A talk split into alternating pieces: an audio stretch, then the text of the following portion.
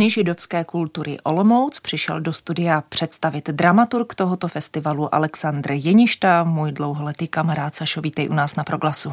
Děkuji za pozvání, dobrý den. A všechno dobré a hezký poslech přeje od mikrofonu Radka Roskovcová. Dny židovské kultury oslaví letos 15. ročník, tedy tento festival je v podzimní Olomouci, abych tak řekla, dobře ukotven. Ale Sašo, jaký je vlastně význam nebo ta tradice židovské kultury právě v tomto městě? Kam až sahá? Dá se to tak říct vůbec?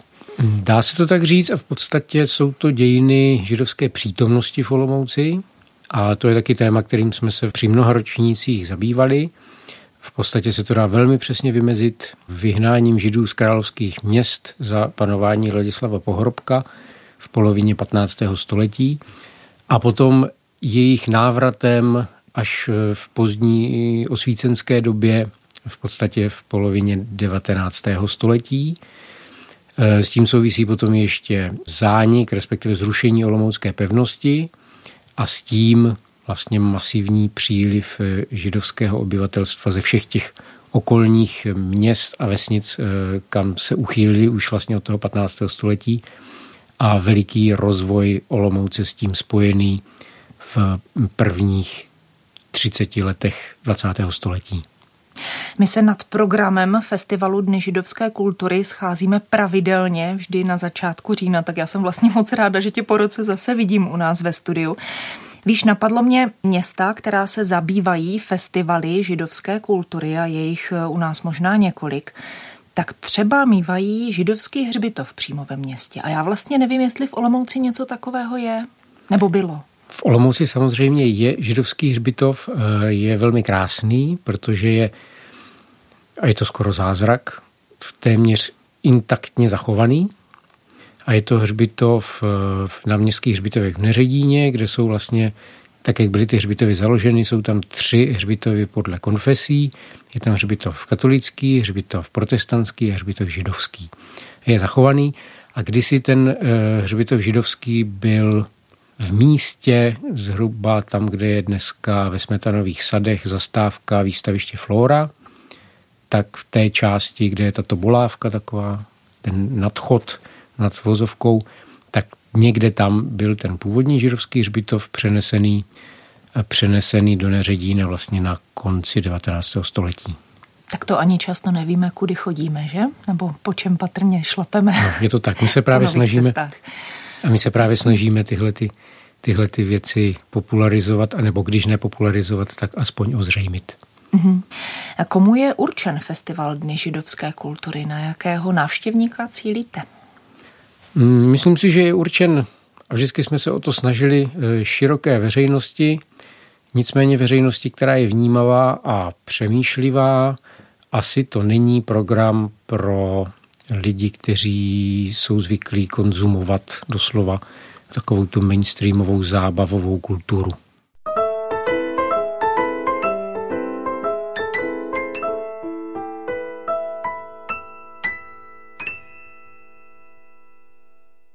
Hostem proglasu je Aleksandr Jeništa, dramaturg festivalu Dny židovské kultury Olomouc. Já už jsem řekla, že letos je 15. ročník tohoto festivalu.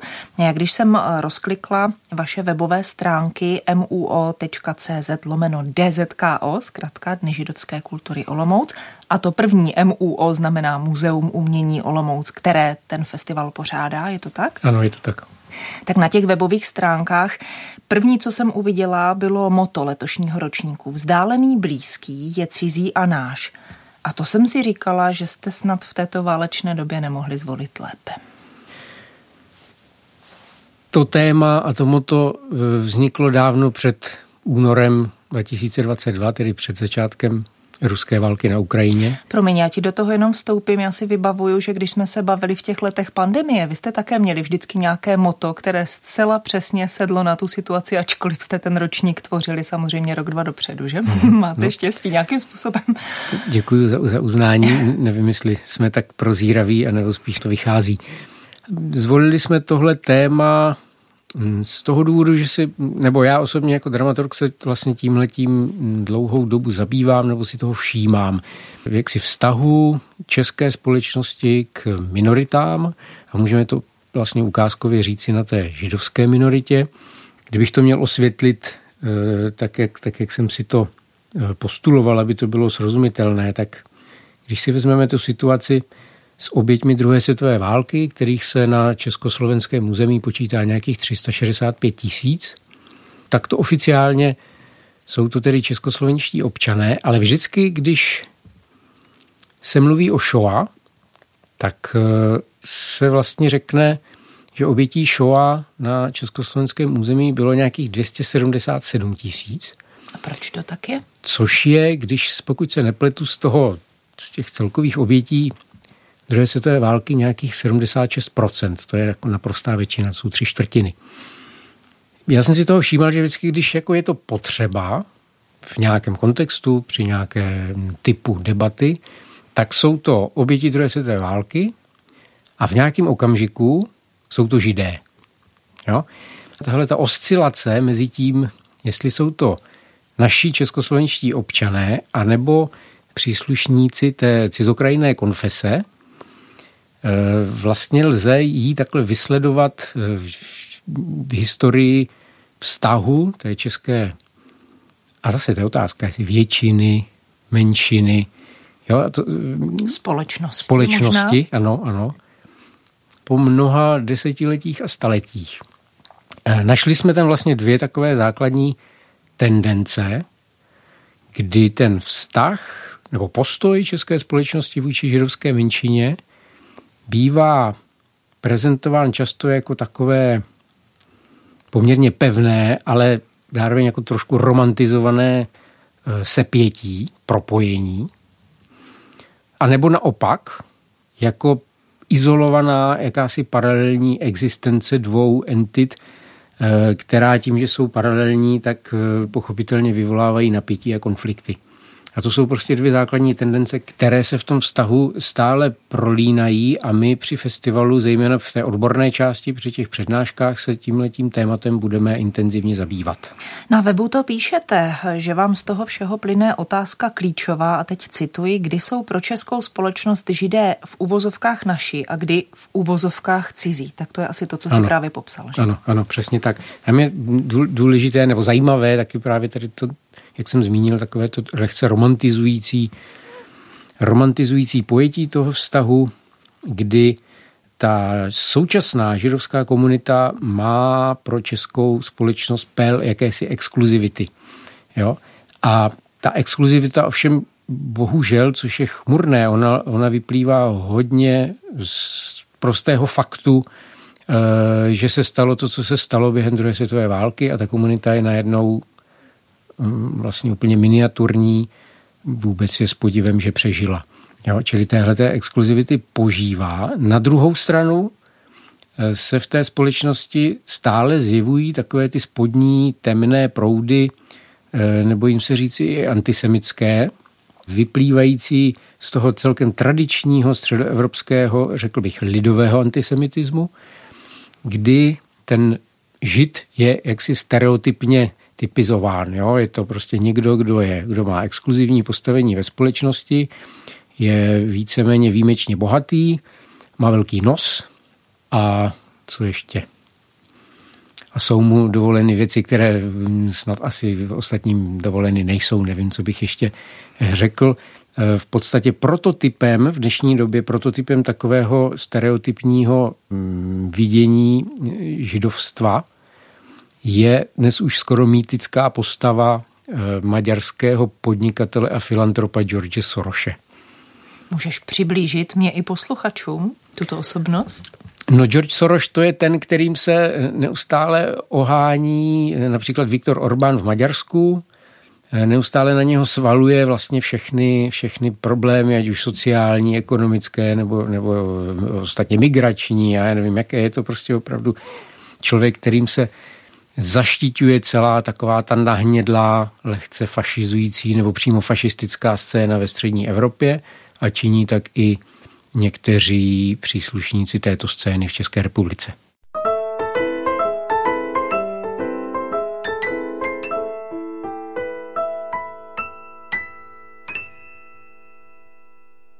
Hostem proglasu je Aleksandr Jeništa. Hovoříme o Dnech židovské kultury Olomouc, respektive zatím jsme hovořili ne tak o programu, jako o různých kontextech a o motu letošního ročníku.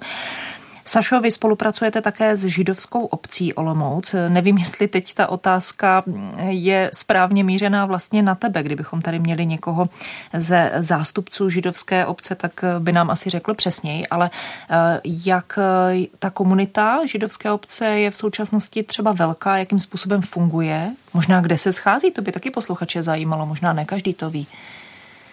Myslím, že to skutečně jako není, není úplně otázka na mě, na, na tělo, ale uh, ale tu základní, z toho, co víš, ano, nějakou základní Tu informaci. základní informaci podat můžu. Židovská komunita v Olomouci je živá, to je podstatné. Eh, není to žádný kulturní spolek, je to opravdu živá, živá komunita se živou vírou a schází se ve svém sídle v Komenského ulici a myslím si, že těch že těch eh, aktivních členů židovské obce v současnosti jsou, řekl bych, vyšší desítky. My tu spolupráci s nimi na festivalu vlastně rozvíjíme od samotného počátku, od roku 2008, kdy byl první ročník a myslím, že jsme si, že jsme si v tom pořadatelském módu na sebe eh, dosti zvykli. Já velice oceňuju to, že mm, z židovské obce nikdy nebyl ani nepatrný náznak toho, že by se festival měl stát festivalem kultu. My jsme vždycky říkali, že je to festival kultury a tím pádem ta pestrost programová a samozřejmě různost všelijakých e, názorů, postojů a různých vidění určitých problémů, kterými se festivaly za ta léta zabývaly, byla tímto vždycky zaručena. Takže já si té plurality, která mezi námi je, velmi vážím. E, důležité je v tom kontextu ještě zmínit, že třetím pořadatelem nebo spolupořadatelem je Centrum judaistických studií Filozofické fakulty Univerzity Palackého a v tomto e, jakémsi triumvirátu, což bych neměl říkat, protože, jak znám, římský triumvirát vždycky vedl k občanské válce, ale to si myslím, že se snad nám nestane v tomto triumvirátu. Myslím, že zdárně festival připravujeme. Pojďme se nyní podívat přímo do programu. Festival se letos koná v termínu od 12. října do 7. listopadu. Zpočátku programy nabízíte, abych tak řekla, v kalendáři hustěj. Pak bude chvilinku mm, mezírka a 7.11. festival završíte koncertem. Možná, Sašo, by bylo dobré teď mluvit o takových liniích podle druhů nabízeného umění, protože vím, že festival je takto rozkročen, když mluvíme o festivalu, mluvíme o různých druzích umění, pakliže i přednášku lze považovat za umění. Já si myslím, že rozhodně ano. Festival nabízí vlastně tři, respektive čtyři přednášky, které už se souvisejí s tím tématem. Jsou to přednášky zejména tedy historiků, jmenovat můžu pražského historika Michala Frankla, ve které přiblíží málo známou historii židovských uprchlíků, kteří na konci 30. let 20. století živořili v zemi nikoho ve středovýchodní Evropě, tím se myslí, tím se myslí Halič, tedy východní část Polska tehdejšího. Další přednášku, kterou bych chtěl zmínit, tak je zase přednáška historičky Kateřiny Čapkové, která se zabývá dlouhodobě ve svém výzkumu českým pohraničím v poválečných letech e, očima židovských e, současníků. To je z těch příslušníků židovské komunity, kteří po válce se do pohraničí buď to vrátili, anebo nějakým způsobem se jim podařilo tam válku přežít. A potom bych chtěl zmínit přednášku germano-bohemisty Václava Petrboka, která je věnovaná postavě a osobnosti Otokara Fischera a jeho komplexní autorské identitě, která byla rozprostřená v česko-německo-židovském jazykově kulturním nebo taky národním, národním prostoru. Ta přednáška má moc hezký titul, s dovolením ho ocituji. Národa není, jsou národové, do sebe vrostlí, v sebe zahryzlí. Jo, vidíme v tom názvu vlastně to co, to, co e, jinými slovy říká také to moto festivalu Vzdálený blízký je cizí a náš. A v tomto smyslu jakýmsi vrcholem, aspoň pro mne, bude setkání, přednáška, beseda s rakouským historikem, literárním vědcem a e, novinářem, publicistou, ale taky slavistou, Martinem Polakem, který je velkým znalcem kulturního prostředí střední a východní Evropy. E, Martin Polak byl dlouhá léta e, korespondentem mnoha zahraničních periodik mm, pro východní Evropu, takže tak to strávil eh, ještě tedy v dobách eh, železné opony spoustu času v Polsku nebo také v Československu. Zažil tady mm, rozdělení Československa, jistou dobu taky pobýval v Rumunsku.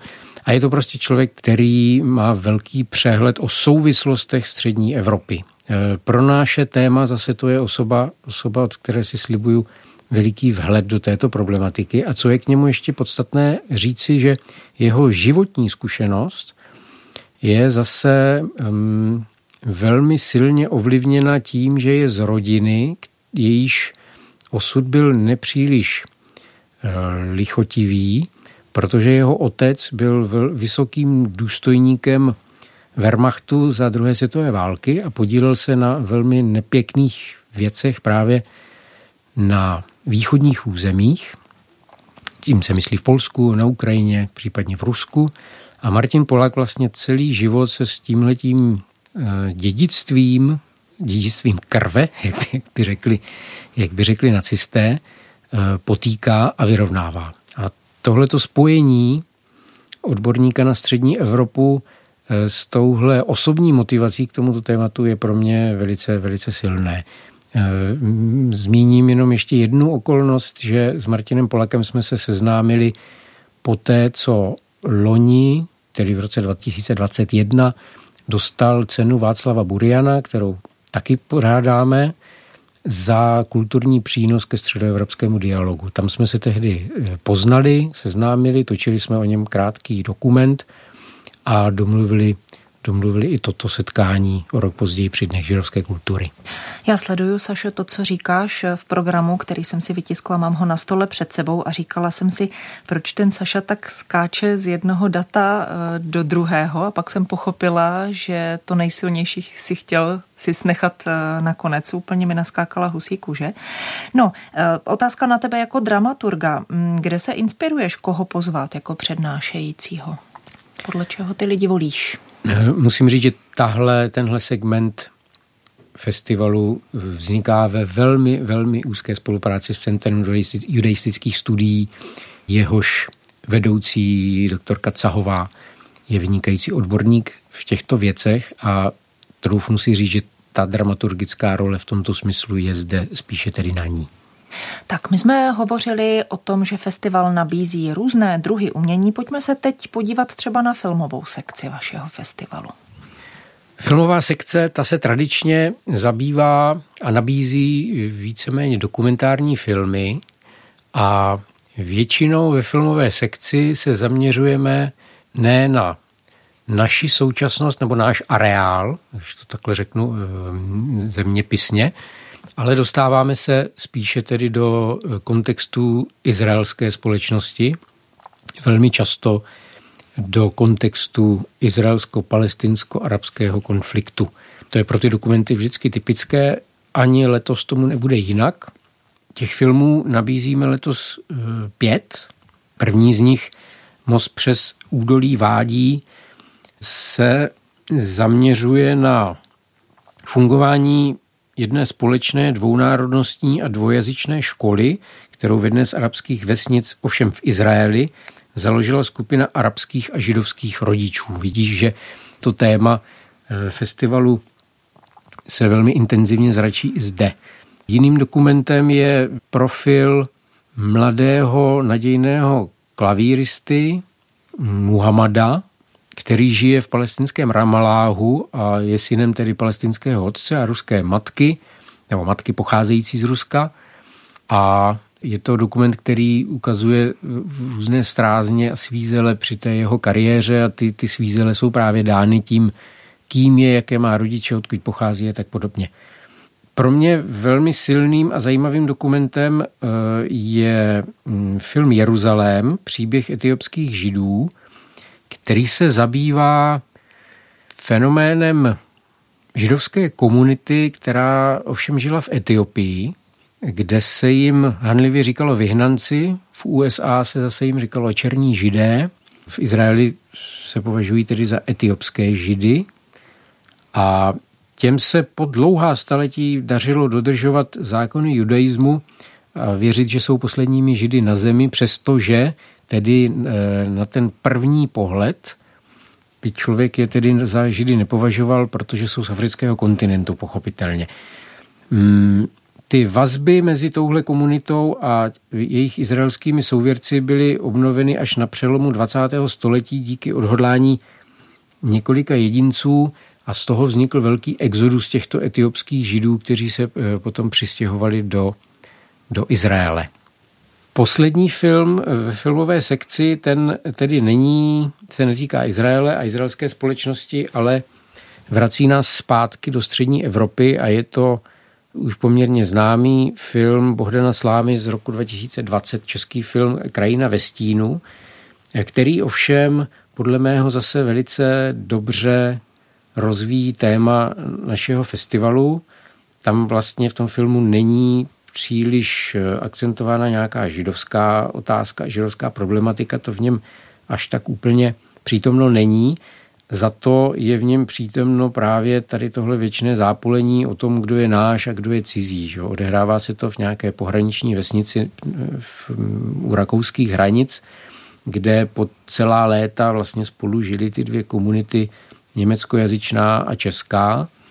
Říkám schválně německo, německojazyčná, protože těžko říct, jestli německá nebo rakouská. Tady tyhle ty identitární problémy tam byly vždycky velmi intenzivní. A najednou na konci druhé světové války je potřeba si začít znovu po pěti letech vybírat, kdo je teda Čech, kdo je Němec, jak si kdo stojí, kdo s kým a proti tomu.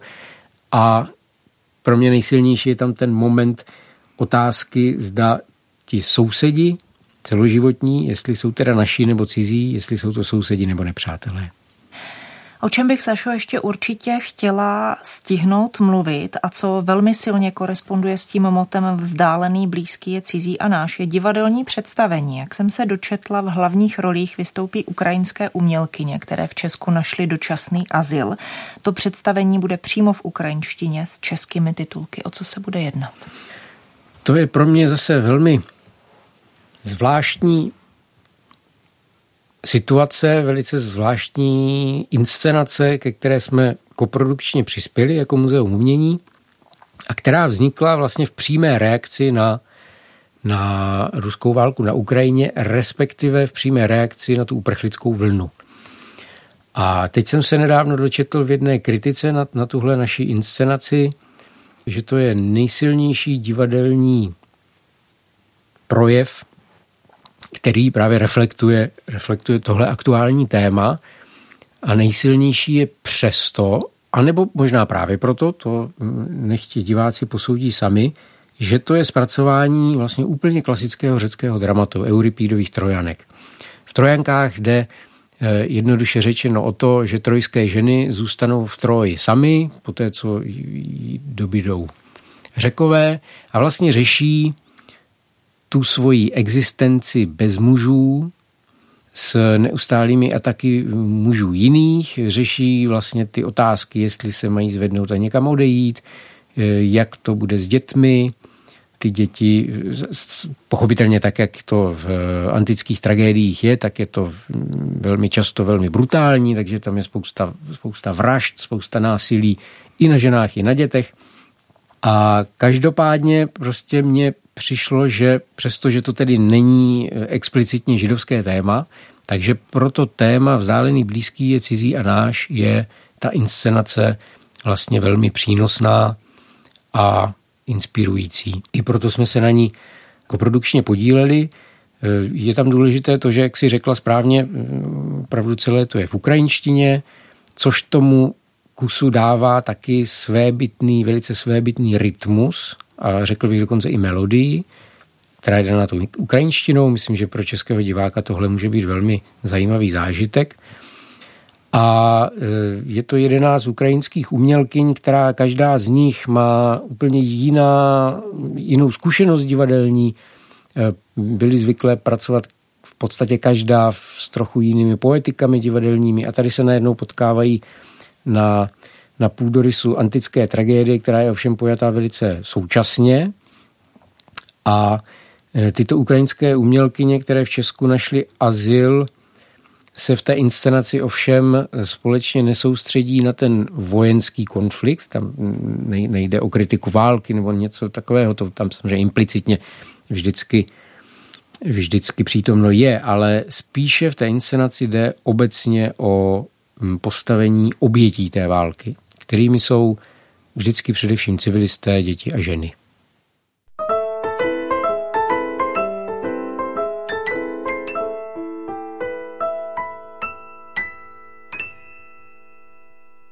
Před chvílí jsme hovořili o divadelním představení Trojanky, kde budou účinkovat ukrajinské umělkyně, které v Česku našly dočasný azyl. Hostem proglasu je Aleksandr Jeništa. Zveme vás na festival Dny židovské kultury Olomouc. A e, já bych chtěla mluvit ještě o jednom divadelním představení, které nabízíte. Zaujalo mě, že to má být scénická koláž. Odrazíme se od té formy toho, jak bude vypadat. Ano, e, scénická koláž, zároveň to představení se jmenuje mezanin, což je zase takový nějaký mezistav. E, mezanin jako, jako prostor mezi dvěma plnohodnotnými patry, nebo jak, jak to říci. Scénická koláž je zase takový mezi stupeň mezi scénickým čtením a skutečnou plnohodnotnou inscenací. A celé je to věrno tedy tomu tématu vzdálený, blízký a cizí a náš zase to takhle osciluje v, v jakýchsi meziprostorech. Pracuje se tam s texty tří studentů státního německého gymnázia v Olomouci. Ne všichni to gymnázium dokončili. Pro posluchače jenom upozorním, že státní německé gymnázium v Olomouci, respektive jeho budova, dodnes stojí a je to dnes budova Filozofické fakulty na třídě Svobody je to ta budova na třídě Svobody sousedící s Palachovým náměstím, čili tam, kde stávala synagoga. Paradoxem je, že v tomto státním německém gymnáziu bývalém dnešní filozofické fakultě dnes sídlí katedra judaistiky. Tři studenti, kteří navštěvovali toto gymnázium do 30.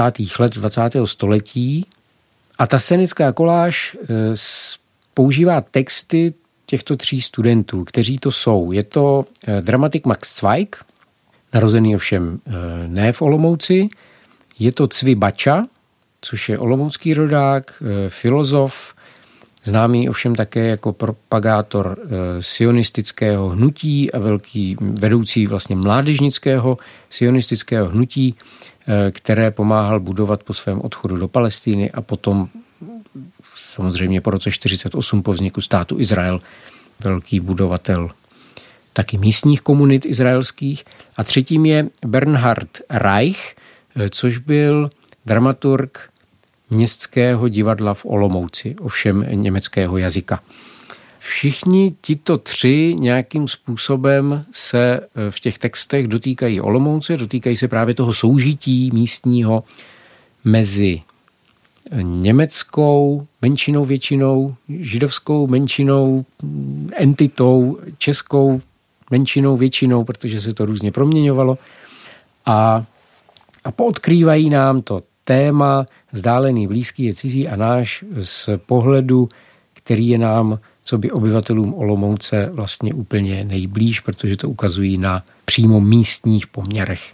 Jo? Takže se mluví velmi často například ten Cvibača eh, vzpomíná na to, jaký byl ten den, kdy přišel do třídy gymnázia, kde seděli pořád ti stejní spolužáci a na tabuli najednou bylo napsáno Juden Raus. A v tu chvíli najednou si uvědomil teda, že je něco špatně a otočil se a už do té školy nikdy nepřišel a pak ten jeho osud se rozvíjel, odvíjel jiným způsobem jinde. Tu scénickou koláž připravil dramaturgicky i režíně Tomáš Soldán, režisér e, jinak rozhlasový, se kterým ovšem poslední leta velmi rádi na těchto drobnějších, komornějších formátech spolupracujeme. Festival Dny židovské kultury Olomouc bude, jak už jsme řekli, probíhat v termínu od 12. října do 7. listopadu. My v tuto chvíli musíme přiznat, že eh, se Sašou Jeništou jsme tak dlouho hledali vhodný termín, kdy se setkat ve studiu, až jsme se rozhodli ten pořad předtočit, ale vysílat ho budeme, respektive v tuto chvíli ho vysíláme právě ve středu 12. října, tedy v den zahájení toho festivalu festivalu. A to jsem si vlastně nechala do už skoro závěrečného vstupu, aby pozval na to zahájení, protože vy budete mít dvě akce, jednu v 16 hodin, jednu v 18 hodin. Obě bych řekla, mm, že s tím vaším festivalem jsou tak jako bytostně spjaté, míváte často tady ta témata. Mm, zahajovat budeme letos poprvé a v tom eh, s tebou nebudu úplně souhlasit, protože tohle jsme ještě při festivalu nikdy nedělali a to je, to je eh, akt odhalování mm, kamenů zmizelých, takzvaných stolpersteinů. To je skutečně při festivalu letos poprvé a je tomu tak proto, protože to zase skutečně jako velice intenzivně souvisí s tím tématem. A já jsem na ty kameny zmizelých vlastně zvyklá z Olomouce, protože jsou jich plné ulice, takže ano. proto jsem to možná smyslela. Myslela jsem si, že jste to mývali na festivalu, tak to promiň. To je v pořádku, nevadí. E, my jsme se spojili samozřejmě s Židovskou obcí, která e, organizuje to pokládání a vůbec e, to hledání, co se kam má pokládat a kdo se má připomínat. Takže židovská obec v tom eh, se, se intenzivně angažuje a druhý, druhý uh, subjekt? subjekt, se kterým jsme se v tomto spojili, je Český rozhlas Olomouc, který nádherně zrekonstruoval bývalou prodejnu nábytku v Pavelčákově ulici s takovým velikým proskleným átriem. A v zadním traktu té budovy kdysi stávaly dva domy v Úhelné ulici – Stávaly tam dva domy a v nich eh, žila eh, rodina Greenwaldových. A eh, ty kameny Stolperstein už na tom místě položené byly, ale při té rekonstrukci, kterou Český rozhlas organizoval, je museli výjmout a teď je tedy budeme ovšem už společně pokládat znovu jak ty kameny vypadají pro člověka, který opravdu neví a nikdy se s tím nesetkal. Jak už jsem řekla, Olomoučané tuší, protože přes ně kráčejí v olomouckých ulicích, ale ne všude je to k vidění. No je to zvláštní zážitek se eh, k tomu dostat ještě jiným způsobem, než eh, tím, že potom jenom šlapu, případně eh, se skloním a podívám se, kdo je tam zmíněn. Tady najednou je to pro mě mnohem intenzivnější ještě tím, že jsem tedy osobně eh, ty kameny, které byly zašpiněné a, a různě eh, podbetonované, tak jsem je osobně včera večer ve sklepě čistil, takže k tomu mám ještě trošku, trošku blížší vztah. Eh, a ještě to je podpořeno tím, že mm, se spolkem za krásnou Olomouc bychom chtěli mm, jeden kámen Stolperstein odhalit eh, před sídlem toho spolku v Kosinově ulici, kde eh, se ukázalo, že tam je také eh, jeden adept, mm, který by stál za to připomenout. Ale to se bavím o nějaké události, která bude někdy třeba příští rok na podzim. A jak ten kámen vypadá? Já tě vrátím k té otázce. Kámen je, kámen je, není kámen, je to betonová kostka, na které je umístěna mosazná cedulka a ta informace je vlastně velmi lapidární, protože ona vždycky říká jméno člověka, říká, kde se ten člověk narodil a kde byl zavražděn. Jo, to, je ten, to je ten princip, že se nedozvíme vlastně nic dalšího. Víme jenom, že jeho, jeho osud byl prostě násilně, násilně přerušen a to je, ta, to je ta připomínka. V podstatě je v tom velmi silné memento, abychom se vyvarovali toho, aby se toto někdy opakovalo, protože těch kamenů, jak si správně řekla, je kolem nás velká spousta a to znamená, že připomínají velký počet zavražděných lidí. Lidí, kteří byli spojeni s Olomoucí a nemohli dožít svůj život ano. přirozeným způsobem. Tak, budete také otevírat výstavu v 18 hodin. Ta se jmenuje Záhadné pouto Tak objasní ten záhadný název. Záhadný název záhadného pouta. Eh, výstava vznikla v, v ateliéru designu Západočeské univerzity v Plzni. Je to putovní výstava banerová. Skupina studentů se zabývala výtvarným způsobem určitými milníky v židovsko-českých, česko-židovských vztazích. Nejde tam tedy a priori jenom o politický vztah nebo diplomatický vztah České republiky, potažmo Československa a Izraele, i když i ten je tam přítomen, ale e, ukazuje to prostě určité, určité silné body z historie, kdy ten vztah byl něčím významným. Takže například je tam zmíněn mýtus o Golemovi, ten silný příběh eh, ze středověké Prahy. Eh, je tam zmíněno výnos Přemysla Otakara II. Ze 13. století, kterým se židům udělovali práva tak, aby mm, byli rovnocenými obyvateli Českého království. A zmiňuje se tam samozřejmě prezident Masaryk, což je klíčová postava pro vlastně moderní česko-izraelské vztahy. E, nejprve tím, že v, už v druhé polovině 19. století byl vlastně tím nejaktivnějším obráncem židovského mladíka Leopolda Hilsnera, který byl nařčen e, z rituální vraždy Anešky Hrůzové někde v Polné na Vysočině a Masaryk e, jasným způsobem a jednoznačným způsobem se zastával tohoto, tohoto člověka protože proti němu byla rozpoutána obrovská štvanice. V podstatě by se dalo říci, že pogrom.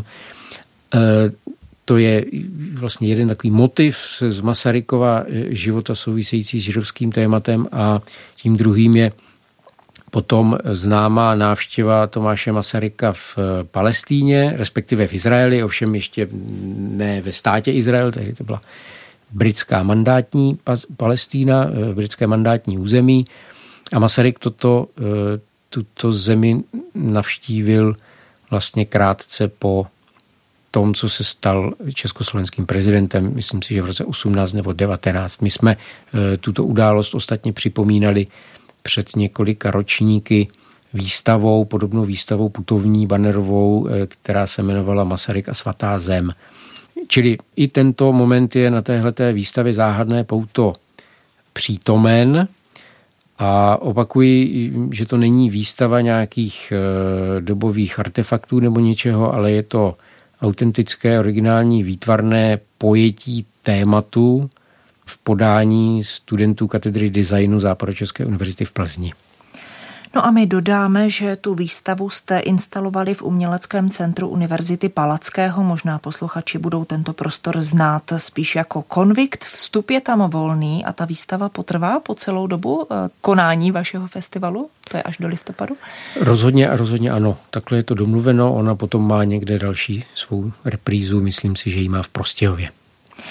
Tak a to už jsme mluvili o filmové sekci, divadelní sekci, o přednáškách, o slavnostním zahájení s položením kamenů zmizelých, o výstavě. To jediné, Sašo, co nám zbývá, tak je koncert, který váš festival završí. Tam pozveme posluchače do Olomouckého Jazz Tibet klubu a já tě poprosím, abys představil umělce. Mě to jméno bohužel nic neříká, obávám se, že bych ho nevyslovila správně. Mm, naším hostem bude eh, trio Noam Vazana, což je zpěvačka, izraelská zpěvačka žijící v Nizozemí. A co je na ní zvláštní, tak eh, ona zpívá své písně v jazyce ladino, což je jazyk, který se po vyhnání židů z území dnešního Španělska na konci 15. století stal vlastně univerzální řečí celé židovské diaspory v, ve celém Středomoří. A Noam Vazana ve své hudbě v podstatě přetavuje tuhle dávnou kulturu ladino v, v jakousi fúzi hudby středního východu, severoafrických rytmů a samozřejmě autorské své vlastní etnické, etnicko-jazzové tvorby. Vzdáleně se to trochu podobá flamengu, severoafrické hudbě os, uslyšíme tam jistě, že i o zvuky známých všelijakých písní sefardských židů, což je jistě že žánr sám o sobě. My tím eh, koncertem festival tak trošku opožděně zakončíme, jak si řekla, upozornila s dvoutýdenním odstupem a jsme rádi, že na to můžeme spolupracovat právě s Olomouckým Jazz Tibet klubem, což je pro mě jako velmi dobře vyprofilovaná hudební scéna nebo hudební klub. No a co se týče těch prostor, tak musíme ještě zmínit to, že přednášky se uskuteční v Mozarteu, to znamená v arcidiecezním muzeu Olomouc v sále. Sašo, když tak spolu přemítáme o tom motu festivalu Vzdálený, blízký je cizí a náš, a taky zároveň o tom, že žijeme v tak turbulentní době ruské války na Ukrajině. Mm, jaký přesah bys chtěl, aby ty vaše festivalové akce měly vůči návštěvníkům? Co by ten festival chtěl a měl v dnešní době říct?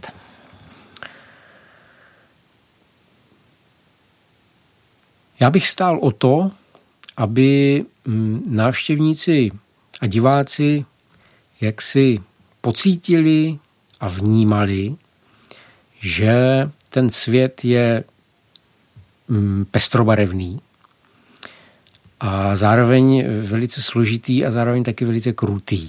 A aby si z, toho, z, tohoto, z těchto tří mm, nějakých segmentů odnesli nějaké poučení pro sebe a pro to, že je potřeba se dívat kolem sebe, zajímat se o svět kolem sebe a být aktivní, protože eh, jenom to je způsob, jak se vyhnout mm, třeba takovým tragédiím, jako bylo Shoah, což je samozřejmě úplně extrémní a výjimečná, výjimečná situace, eh, existenční i existenciální, nicméně fakt, že nedaleko za našimi hranicemi zuří opět zase hnusná, krutá a brutální válka, mě zneklidňuje a nenechává na pochyby, že člověk je prostě nepoučitelný a je schopen a bohužel ochoten tyhle ty brutální činy